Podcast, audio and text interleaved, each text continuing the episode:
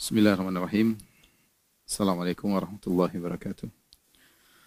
Alhamdulillahi ala ihsanih wa syukru lahu ala taufiqih wa amtinani wa asyhadu an la ilaha illallah wahdahu la syarika lahu ta'ziman li sya'nih wa asyhadu anna Muhammadan abduhu wa rasuluhu da'ila ridwanih. Allahumma salli alaihi wa ala alihi wa ashabihi wa ikhwani.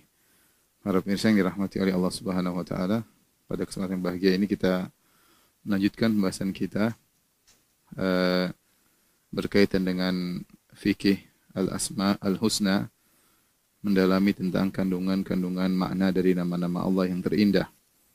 Dan pada kesempatan kali ini kita akan bahas tentang nama Al-Bari, Al-Musawwir dan juga Ar-Razzaq insyaallah taala ya, tiga nama. Uh, Al-Bari Al-Musawwir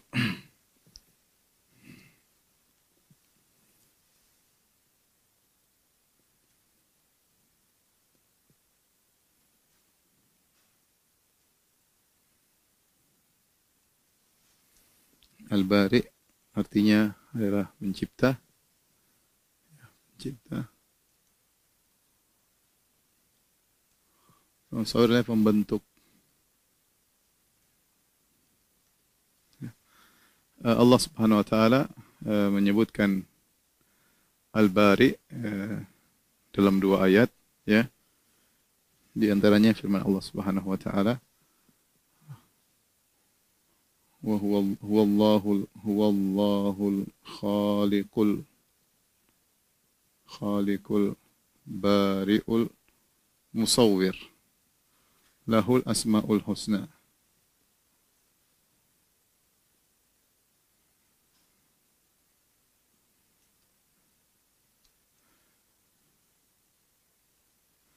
Dialah Allah Subhanahu wa taala dan dialah Allah Subhanahu al-Khaliq Al-Bari, pencipta.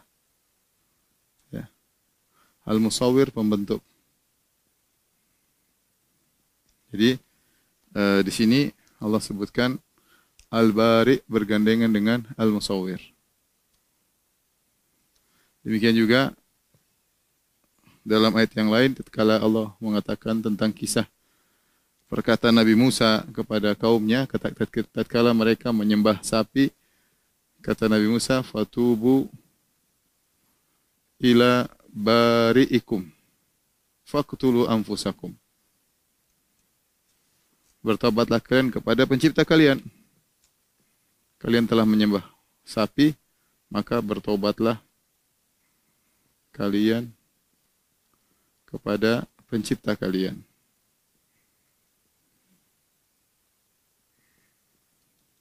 Jadi di sini juga ada kata bari. Ya. Adapun al-musawwir, ya. Al-musawwir datang dalam satu ayat dengan lafal al-musawwir cuma ayat ini aja, al-musawwir. Namun datang dalam beberapa fiil ya. Ini tentang al-bari. Adapun al-musawwir di antaranya firman Allah Subhanahu wa taala fi ayyi surati ma kabat. Dalam beberapa uh, menjelaskan tentang sifat uh, perbuatan Allah sawwar. Seperti firman Allah Subhanahu wa taala, "Huwallazi yusawwirukum fil arhami kaifa yasha." Surat Ali Imran. Dan dialah dialah yang membentuk kalian. Yusawwirukum. Yusawwirukum membentuk kalian.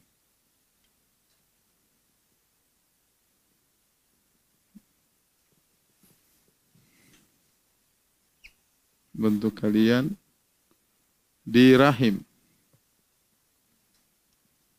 dengan bentuk yang dia kehendaki.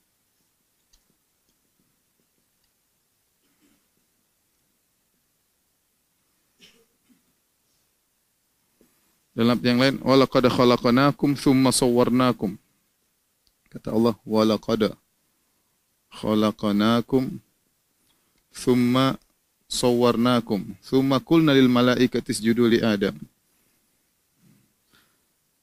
Sungguh kami telah menciptakan kalian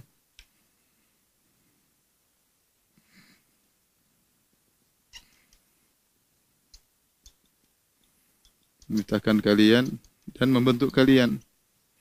Lalu kami membentuk kalian.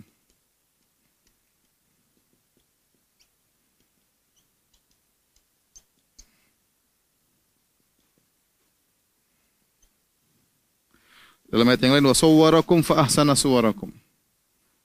Wasawwarakum fa ahsana suwarakum. Allah membentuk kalian dan Allah membentuk kalian, membentuk rupa kalian.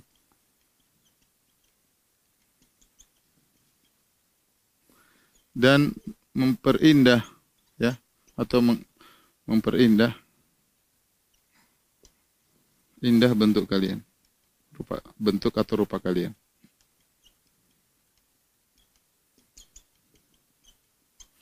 Dalam ayat yang lain, fi ayyi suratin ma.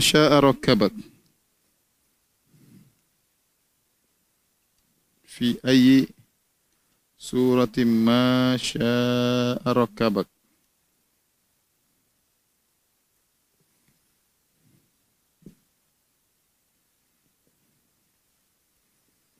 Dalam bentuk apa yang Allah kehendaki Allah menyusun kau, ya.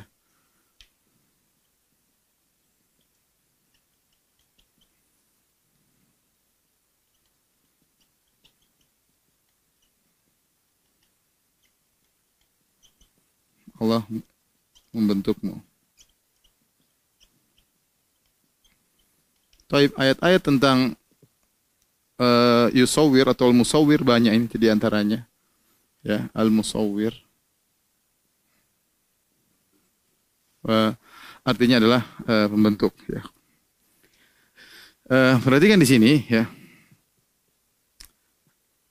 Al-Bari Al-Musawwir. Apa bedanya Al-Bari dengan Al-Khaliq? Bahkan dalam ayat ini Allah menggandengkan antara Al-Khaliq dengan Al-Bari. Ya. Dalam ayat ini Allah menggandengkan Al-Khaliq dengan Al-Bari. Perhatikan sini. Ya.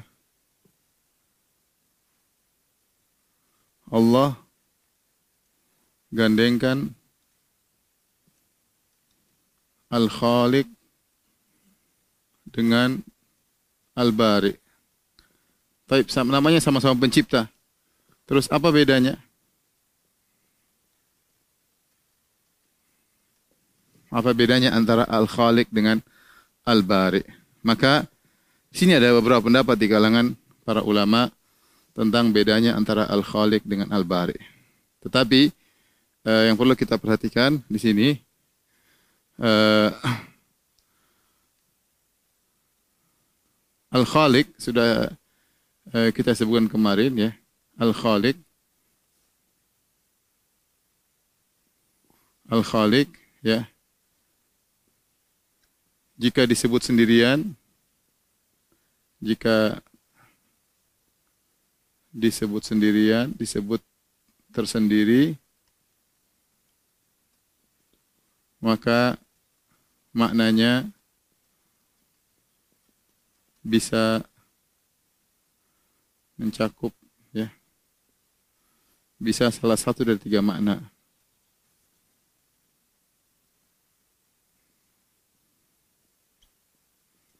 Sudah kita jelaskan pada pertemuan kemarin ya. Maknanya di antaranya adalah Al-Khaliq yaitu pencipta dari tidak ada menjadi ada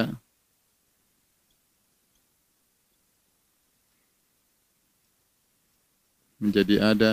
Kemudian di antara maknanya adalah merubah bentuk, ya, merubah dari sesuatu sesuatu ke sesuatu yang lain. Kemudian di antaranya adalah uh, perencana, merencana. Kalau kita mau bahasa Arabnya, ini adalah al-mujid. Kali namanya al-muhawwil yang muhawwil kemudian al-muqaddir ini sudah kita jelaskan kemarin namun jika al-khaliq digandengkan jika bergandengan dengan al-bari maka Al-Khaliq ya.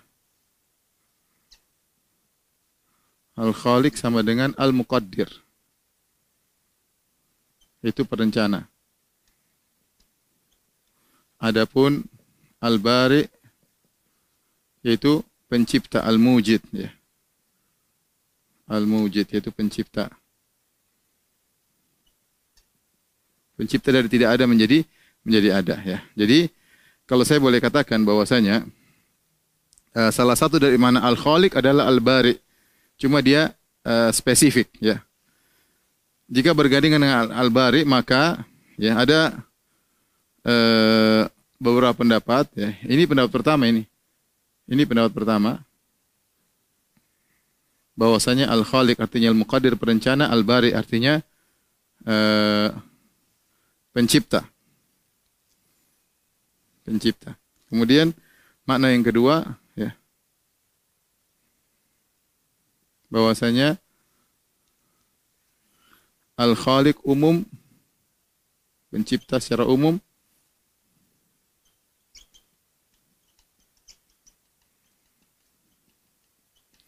Adapun Al-Bari maksudnya khusus penciptaan manusia.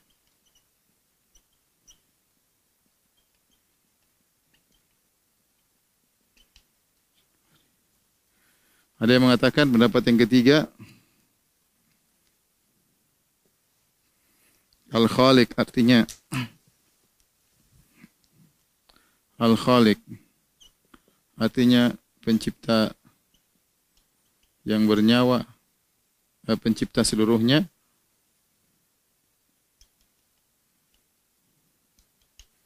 Adapun Al-Bari pencipta yang bernyawa Seperti datang dalam riwayat, ya, walladhi walladhi falaqal habbah wa bara'an nasama. Tidak salah perkataan Ali atau perkataan seorang sahabat demi zat yang telah membuka biji dan menciptakan nasama maksudnya ruh ya, ruh. Tapi pendapat yang lebih kuat dari jika bergandengan maka ini pendapat yang lebih kuat ya. Ini pendapat yang lebih kuat. Pendapat pertama bahwasanya al khaliq artinya muqaddir al bari artinya pencipta. Nah kalau kita terapkan di sini berarti kan ini kita terapkan di sini. Wallahul khaliqul bariul musawwir. Maka kata Ibnu Katsir rahimahullahu taala dia datang berurutan ya. Lanjutkan. Kita terapkan ya kata Allah Subhanahu wa taala wa huwallahu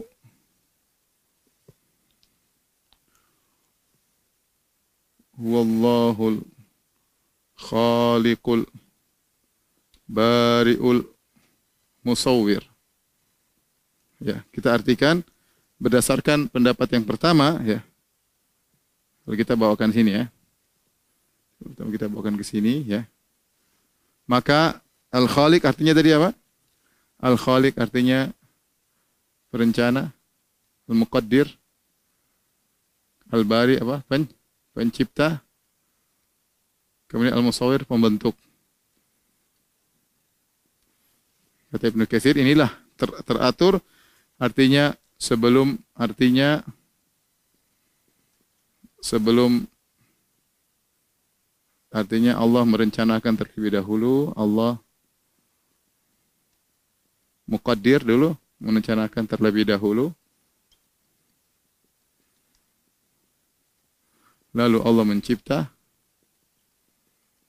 mencipta dari tidak ada menjadi ada.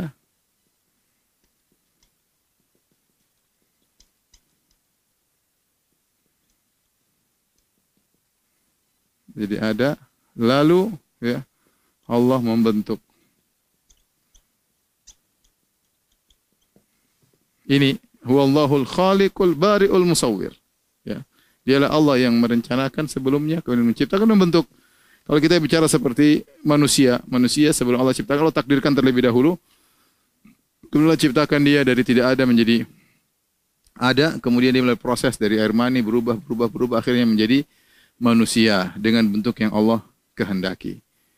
Inilah kira-kira makna al-bari al-musawwir. Jadi saya katakan al-khaliq kalau disebutkan secara sendiri maka maknanya biasa ada yang tiga sudah kita bahas kemarin. Al-mujid dari tidak ada menjadi ada atau merubah sesuatu menjadi sesuatu yang lain wa id apa uh, wa id takhluqu min at-tini ka hayati tayr ya. Uh, tatkala engkau atau anni akhluqu lakum min at-tini kata Nabi Nabi Isa alaihissalam aku membentuk ya dari suatu dari tanah menjadi uh, bentuk burung. Fa anfukhu fihi aku tiup fayakunu tayran bi idznillah menjadi burung. Atau al, al khaliq artinya al muqaddir yang merencanakan. Fatabarakallahu ahsanul khaliqin. Maha suci Allah yang sebaik-baik perencana al muqaddir ya sebagaimana kita sebutkan uh, syair mengatakan wala anta tafri ma khalaqta wa ba'dul qaumi yakhluqu thumma la yafri. Sungguh engkau telah merencanakan Eh, engkau telah eh, menjalankan apa yang kau rencanakan sementara sebagian orang merencanakan namun tidak bisa mengeksekusi. Nah, ini makna daripada uh, Al-Khaliq kalau sendirian. Tapi kalau Al-Khaliq bergabung dengan Al-Bari, maka ada tiga pendapat. Pendapat pertama, pendapat kedua, pendapat ketiga. Ya. Pendapat pertama ini, pendapat kedua ini, pendapat ketiga. Namun yang lebih kuat adalah ini, pendapat pertama. Maka Al-Khaliq artinya Al-Muqaddir perencana, Al-Bari artinya pencipta. Maka tatkala kita lihat ayat ini disebutkan tiga nama berturut-turut Al-Khaliqul Bari'ul Musawwir, perencana, pencipta, pembentuk. Artinya Allah merencanakan terlebih dahulu, Allah mencipta dari tidak ada menjadi ada, Allah membentuk. Ya. Uh, ini kira-kira makna Al-Bari'ul Musawwir. Taib. Kita bicara sedikit tentang Al-Musawwir, ya. Al-Musawwir. Apa makna Al-Musawwir? makna al-musawwir. Al-musawwir maknanya uh, pada dua poin. Al-musawwir pembentuk, maha maha membentuk. Secara umum maknanya ada dua. Yang pertama, uh, Allah membentuk Eh, ber, ber, berbagai macam makhluk.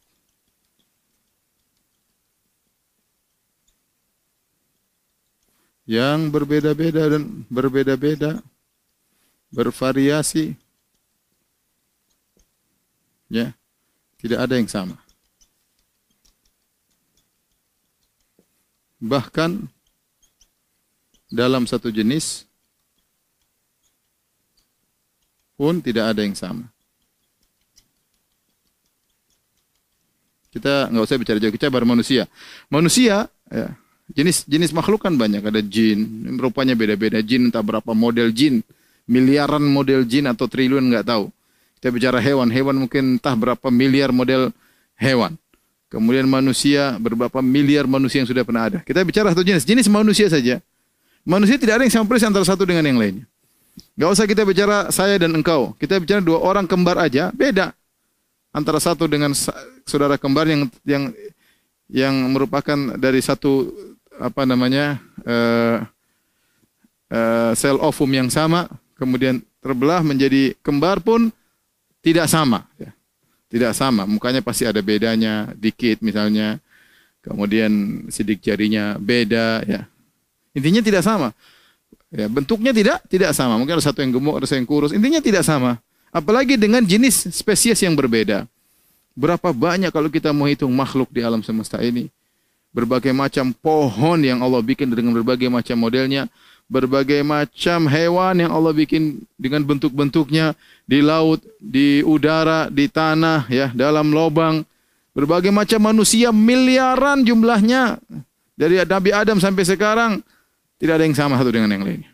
Dialah al-musawwir yang beri bentuk dengan bentukan yang beda satu dengan yang lainnya. Maha Maha memberi bentuk. Ini pendapat uh, jelasan yang pertama. Yang kedua, Allah Maha hebat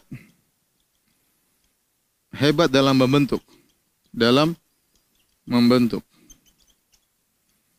Artinya apa? Artinya bentukan Allah sempurna.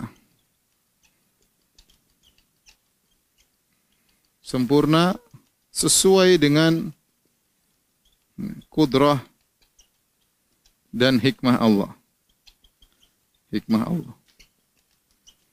Jadi maksud saya Allah menciptakan lalat dengan begitu modelnya. Ada hikmahnya. Kenapa bentuknya begitu? Kenapa Allah pilih bentuk itu? Allah ciptakan jerapah dengan jerapah dengan bentuknya seperti Allah ciptakan gajah dengan bentuknya seperti itu. Ini bukan kebetulan, tidak seperti perkataan orang-orang ateis yang mengatakan ini terjadi dengan kebetulan. Ya, nggak ada yang bentuk gimana mau jadi apalagi dengan logika bahwa sini mengalami proses evolusi ya monyet jadi apa namanya monyet jadi manusia dan yang lainnya. Gimana semut bisa jadi gajah? Apa hubungannya semut dengan gajah ya? Coba katanya kembali kepada satu fosil yang sama mengalami ah, sudah itu omong kosong semua. Kita bilang ya ini semua dengan ber, Allah ketika membentuk maka bentuk Allah sempurna. Tidak ada yang bisa bikin sempurna seperti Allah Subhanahu wa taala. Sampai sekarang tidak ada yang bisa bikin. Ya siapa yang bisa bikin bentuk? Yang lebih sempurna daripada Allah Subhanahu kita bicara manusia kata Allah Subhanahu wa taala uh, apa namanya? Watini wa zaitun wa turi sinin wa hadzal bil amin. Laqad khalaqnal insana fi ahsani taqwim. Sungguh kami telah ciptakan manusia dalam bentuk yang terbaik. Sekarang manusia yang paling bagus ya bentuk seperti ini. Orang sekarang bikin hayalan ada manusia punya sayap jelek. Orang bikin hayalan manusia punya begini punya telinga panjang punya jelek. Nggak bagus lebih bagus manusia yang sekarang ada. Ya. Apalagi sebagian uh, penganut agama bikin dewa dengan bentuk manusia, manusia dengan hidung gajah, jelek, dewanya jelek. Lebih bagus manusia. Ya. Dewa kemudian kepalanya empat, nggak sempurna karena merubah ciptaan Allah Subhanahu wa taala. Siapa bikin bentuk lebih sempurna? Allah paling sempurna. Maka dia Allah Subhanahu wa taala al-musawwir yang maha bentuk. Artinya Allah memberikan bentuk dengan berbagai macam bentuk. Yang kedua, Allah kalau sudah bentuk maka bentuk Allah sempurna. Karenanya di antara adab, ini sudah saya bahas dalam kitab tauhid, karenanya di antara adab kepada Allah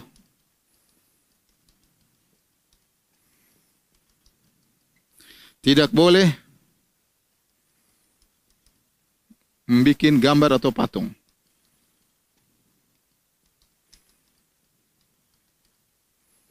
Patung makhluk bernyawa.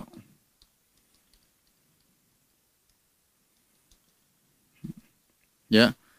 Dan ini Allah larang dalam dalam banyak hadis di antaranya Rasulullah SAW bersabda asyadun nasi adzaban yaumal qiyamah al musawwirun alladzina yudahuna bi khalqillah. Kata Nabi SAW di antara orang yang paling diazab dengan keras azab yang keras pada hari kiamat kelak yang paling keras azabnya adalah tukang penggambar atau tukang pematung.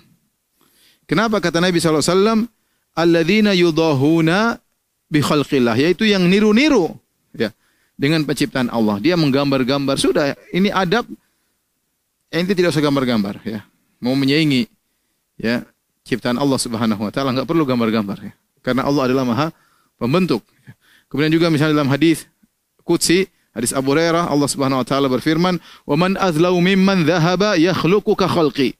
Dan siapakah yang lebih zalim dari orang yang mencoba-coba menciptakan seperti ciptaanku ya, berusaha menggambar seperti gambarku. Falyakhluqu dzarratan kalau bisa dia ciptakan seekor semut kecil.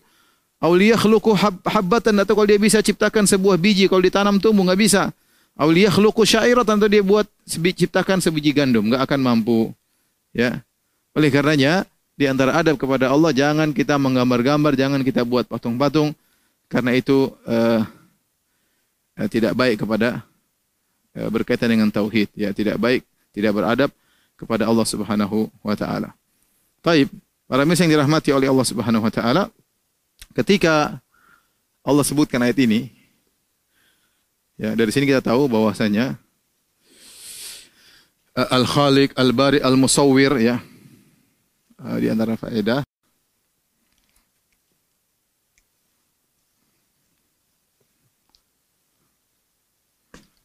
Kalau kita faedah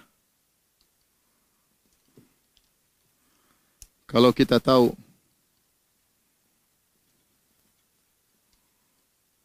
Allah adalah Al-Bari, pencipta,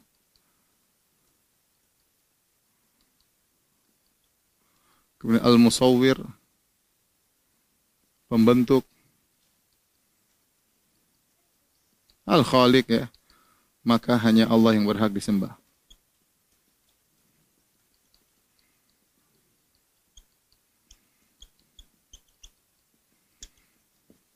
Karenanya Nabi Musa ketika melihat umatnya menyembah uh, berhala, berhala sapi, Allah sebutkan dalam surat Al-Baqarah ayat 454 wa idh qala Musa liqaumihi ya qaumi ya innakum zalamtum anfusakum. Bittikhadhikum al-ajla fatubu ila bari'ikum faqtulu anfusakum. Dzalikum khairul lakum 'inda bari'ikum fataba 'alaikum innahu huwa tawwabur rahim. Kata Nabi Musa kepada kaumnya ya ya qaumi innakum zalamtum anfusakum. Kalian telah berbuat zalim kesyirikan. Ya kalian telah berbuat zalim kepada diri kalian ya. Ya, innakum zalamtum anfusakum bittikhadhikumul ajla. Tatkala kalian menjadikan patung sapi. Jadi Nabi Musa menegur kaumnya yang menyembah patung sapi. Nabi Musa menegur kaumnya yang menyembah patung sapi.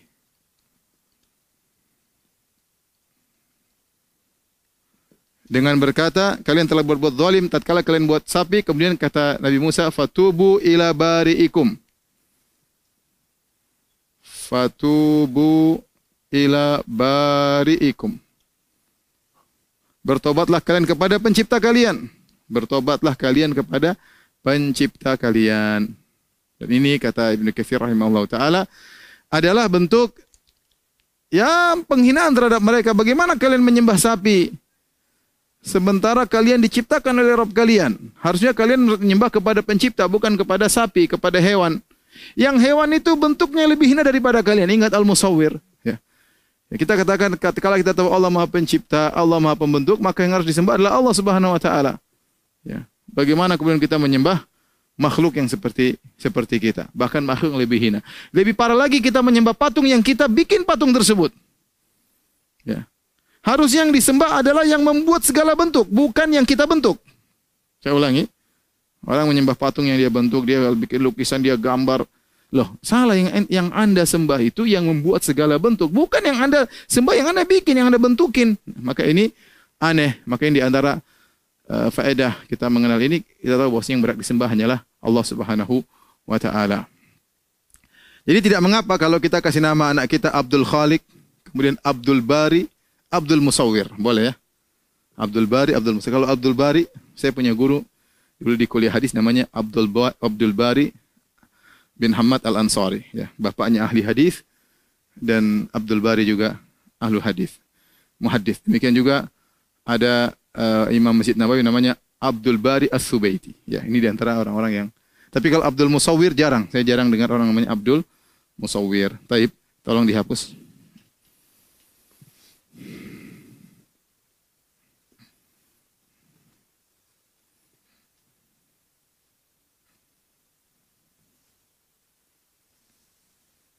Uh, kita Ar-Raza kita tunda besok insya Allah atau sekarang kita bahas nama Al-Malik atau Al-Malik ya. Al Al-Malik atau Al-Malik Al-Malik ya. Al-Malik Al-Malik dalam uh,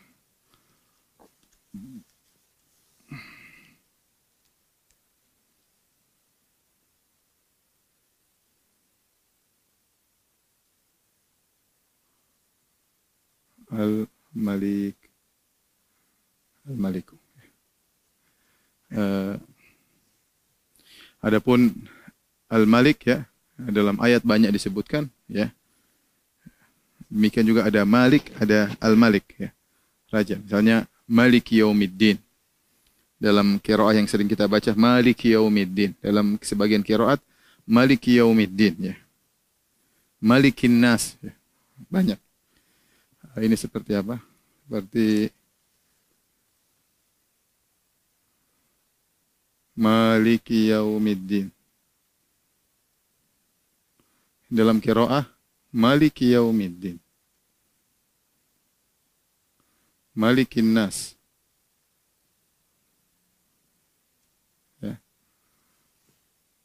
Dalam hadis Anal Malik ya. Anal Malik. Ainal mulukul art. Aku adalah maharaja. Adapun Al-Malik cuma datang dalam satu ayat yaitu firman Allah Subhanahu wa taala uh, di akhir surat Al-Qamar, "Innal muttaqina fi jannati fi jannati fi jannati wa nahar." Wa nahar fi maq'ada sidiqin inda malikin muqtadir.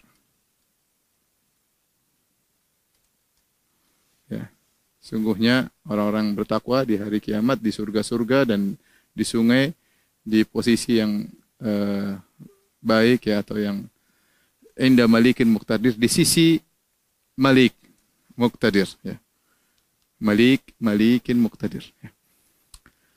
Taib adapun al-malik atau al-malik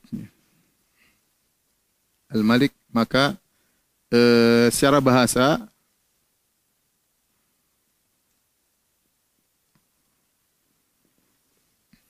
Kalau kita bilang Al-Malik maka atau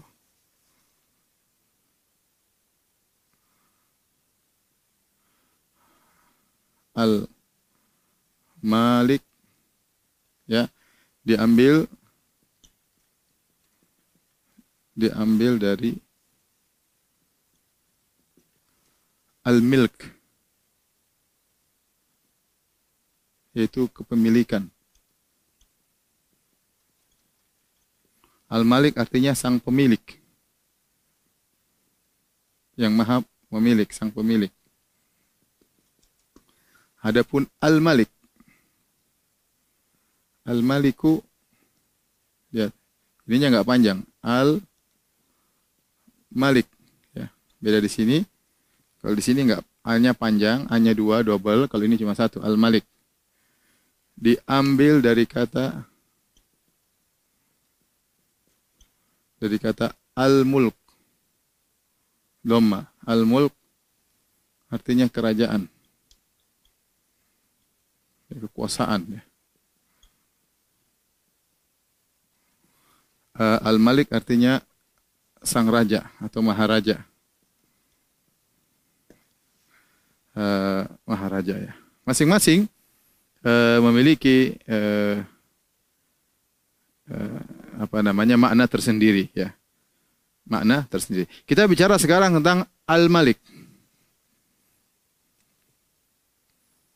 kita bicara tentang al malik ya atau al malik sang pemilik Allah Subhanahu wa taala berfirman, "Lillahi ma fis samawati ma fil ard." dalam banyak ayat. Lillahi ma fis samawati wal ard. Ya. Bagi Allah, milik Allah semua yang di langit dan di bumi. Milik Allah semua yang di langit dan di bumi. Wajar karena Allah yang mencipta. Allah mencipta, maka dia memiliki segala sesuatu. Firman Allah Subhanahu wa taala juga dalam surat uh, dalam surat Saba kata Allah ladzina tad'una min dunillahi walladzina tad'una min dunillahi min dunillahi ma yamlikuna min kitmir. Min kitmir.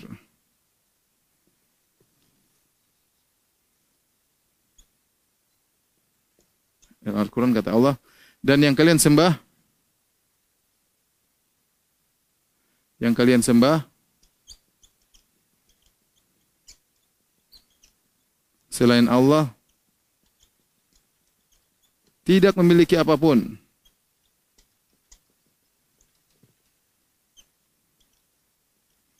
Bahkan ya eh, selaput ari, selaput yang ada di biji korma. Ya, kitmir itu kalau kita makan korma, kemudian kita uh, buka bijinya, maka di situ ada selaput di kulit di bijinya tersebut namanya kitmir. Kata Allah Subhanahu wa taala, tidak ada yang memiliki alam semesta ini, bahkan yang kalian sembah tidak memiliki meskipun hanya kitmir ya. Meskipun hanya kitmir ya.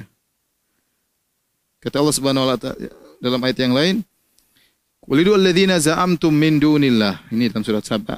Kata Allah Subhanahu wa taala, "Qulidu alladzina za'amtum uh, min dunillahi la yamlikuna mithqala dzarratin fis samawati wala fil ard wa ma lahum fihima min syirkin wa ma lahu minhum min dhahir." Ya, katakanlah yang kalian sembah selain Allah la yamlikuna mithqala dzarrah. Mereka tidak memiliki meskipun sebesar dzarrah di langit maupun di bumi.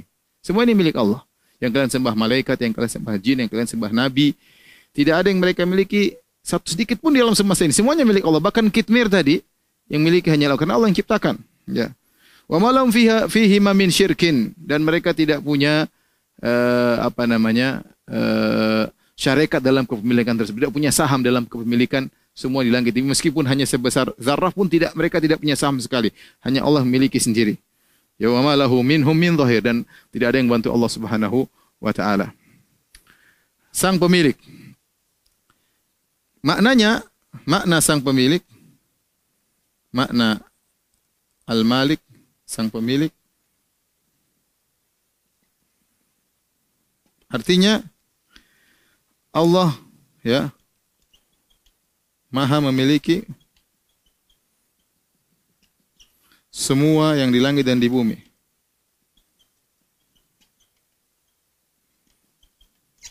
Di alam di bumi, di alam semesta. Dan Allah mengatur mengatur dengan sepenuhnya. Ya. Ya. Kita kalau memiliki sesuatu, kita kita manusia punya sesuatu, berarti kita miliki ya, kita benar kita miliki, kita boleh simpan di rumah, kita boleh jual, kita boleh pinjemin, kita boleh hadiahkan. Itu namanya kita milik beneran. Terserah kita bebas karena itu milik kita. Ya. Dan Allah lebih agung daripada itu itu malah memiliki dengan sempurna. Adapun kepemilikan manusia, maka dia nisbi ya. Adapun kepemilikan manusia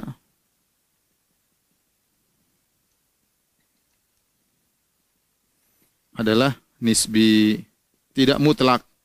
Ya, adapun Allah pemilikannya adalah mutlak, secara mutlak. Absolut ya. Lihat uh, manusia uh, nisbi, makanya Allah Subhanahu wa taala mengatakan uh, mim apa uh, mimma ja'alakum mustakhlafina fi, ya.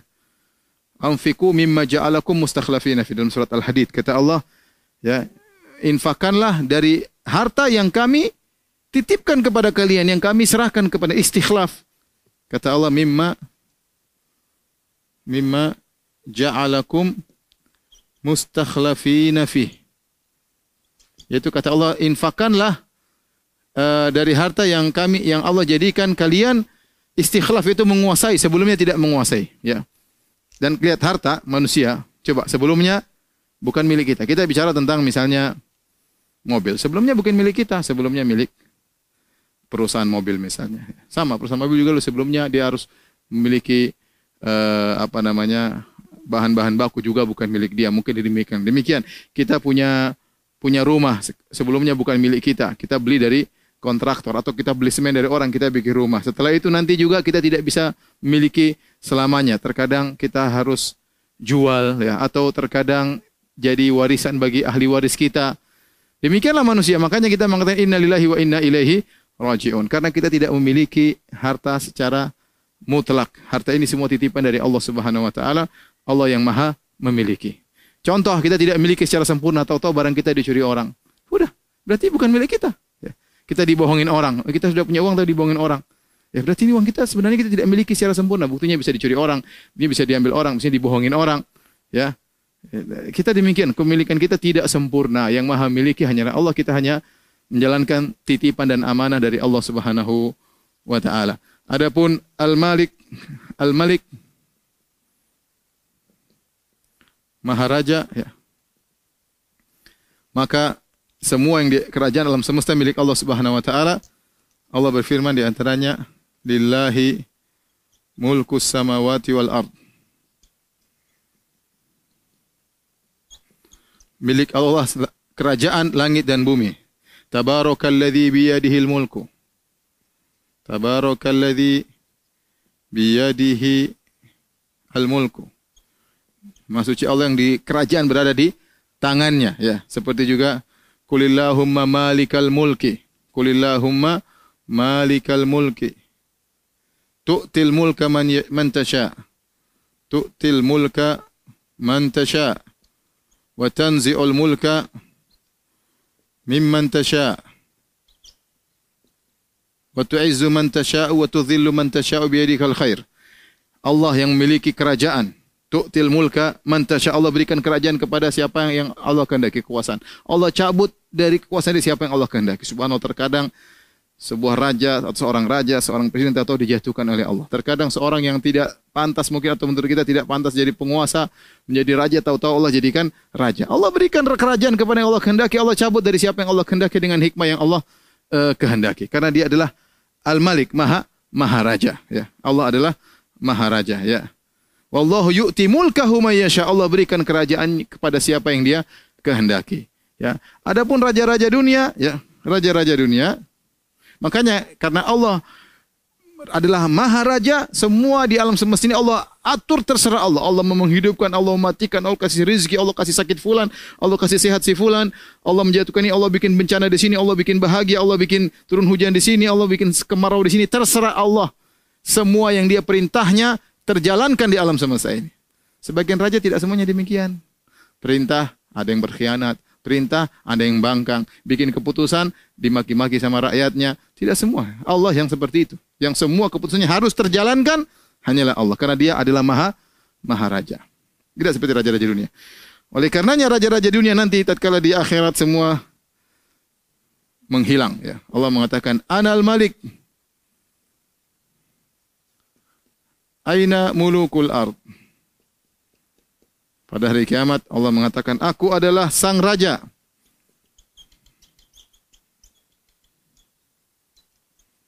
Mana ana dayan, aku akan beri balasan. Mana raja-raja dunia? Enggak ada yang berani nongol pada hari kiamat kelak. Yang angku dengan kerajaannya, yang angku dengan jabatannya, yang angku dengan hartanya, maka pada hari kiamat kelak semua tidak ada yang berani uh, nongol. Ya tatkala Allah panggil mereka anal malik aina mulukul ard mana raja-raja dunia? Maka tidak ada yang berani menampakkan dirinya pada hari tersebut hari yang maliki yaumiddin hari di mana yang menguasai hari tersebut hanyalah Allah Subhanahu wa taala. Inilah para uh, pemirsa yang dirahmati Allah Subhanahu wa taala. Alhamdulillah kita sudah menyebutkan beberapa nama di antaranya uh, Al-Bari, kemudian Al-Musawwir, kemudian sekarang Al-Malik atau Al-Malik atau Al-Malik ya. Ini semua nama-nama Allah Subhanahu wa taala dan masing-masing ada uh, ada maknanya. Tatkala kita mengambil faedah dari sini, kita tahu bahwasanya kalau kita tahu adalah Allah Al-Malik, sang pemilik, kita harus sadar bahwasanya harta kita semua ini adalah karunia dari Allah Subhanahu wa taala. Ini semua adalah titipan karena kita bukan pemilik sesungguhnya. Dan kita kalau terkena musibah kita mengatakan inna lillahi wa inna ilaihi rajiun. Kita ini milik Allah. Jangankan harta kita, kita ini milik Allah. Ya. Dan kalau kita tahu harta ini titipan dari Allah, kita tidak boleh menggunakannya seenak kita. Karena kepemilikan kita nisbi, tidak absolut. Ya, tadi sudah disebutkan bukti-buktinya ya. Kita hanya dititipkan, nanti kita akan titipkan hal tersebut kepada ahli waris kita atau kita jualkan atau apa saja. Hadiahkan kepada yang lainnya ya. Maka gunakanlah titipan tersebut dengan sebaik sebaik-baiknya. Gunakan titipan tersebut dengan sebaik-baiknya sesuai dengan aturan. Karena titipan ini, amanah ini akan ditanya oleh Allah pada hari kiamat kelak. Ya, ke mana kau habiskan? Akan ditanya. Tidak sedikit harta pun yang kita keluarkan kecuali akan ditanya. Ya, ke mana kau habiskan? Ya. Kemudian kalau kita tahu ternyata Allah adalah Al-Malik, Maharaja, maka kita ini tidak usah sombong. Ya, terkadang baru punya jabatan sedikit, baru naik pangkat sedikit sudah angkuh, sudah sombong, meranda, merasa rendah yang lainnya. Kita ini siapa? Ya. Bahkan sebagian orang menamakan dirinya Syahin Syah, Malikul Amlak, raja di raja. Ini enggak benar. Raja di raja sebentar lagi tewas, raja di raja ya. ya. Apa raja di raja? Sebentar lagi mampus ya. Raja di raja dibunuh sama anak buahnya. Raja di raja dikhianati oleh rakyatnya, bahkan dikhianati oleh istrinya terkadang. Raja di raja, gimana raja di raja ya? Yang maharaja adalah Allah, maka jangan sombong. Kita jadi raja pun tidak boleh sombong, apalagi cuma pengawal raja. Kita jadi raja nggak boleh sombong, apalagi cuma jadi pengawal pengawal raja, apalagi kerocor raja, apalagi cuma cakungnya raja, cuma kacungnya raja, cuma disuruh-suruh sama raja, terus mau sombong dan angkuh. Hah? Oleh karenanya harus ingat bahwasanya dialah Al-Malik, Sang Maharaja. Demikian para mirsa yang dirahmati Allah Subhanahu wa taala, eh, kajian kita. Eh, maka kalau kita tahu Allah adalah Al-Malik, Maharaja, kita yakin semua yang terjadi di alam semesta adalah karena titah Sang Raja. Karena titah Sang Raja. Tidak akan keluar dari titah Sang Raja. Maka tunduklah kepada Sang Raja agar kita mendapatkan titah yang terbaik bagi kita. Demikian Subhanakallah bihamdik asyhadu alla ilaha anta astaghfiruka Assalamualaikum warahmatullahi wabarakatuh. Ayo, segera download Quran Tadabbur, tafsir dalam genggaman Anda.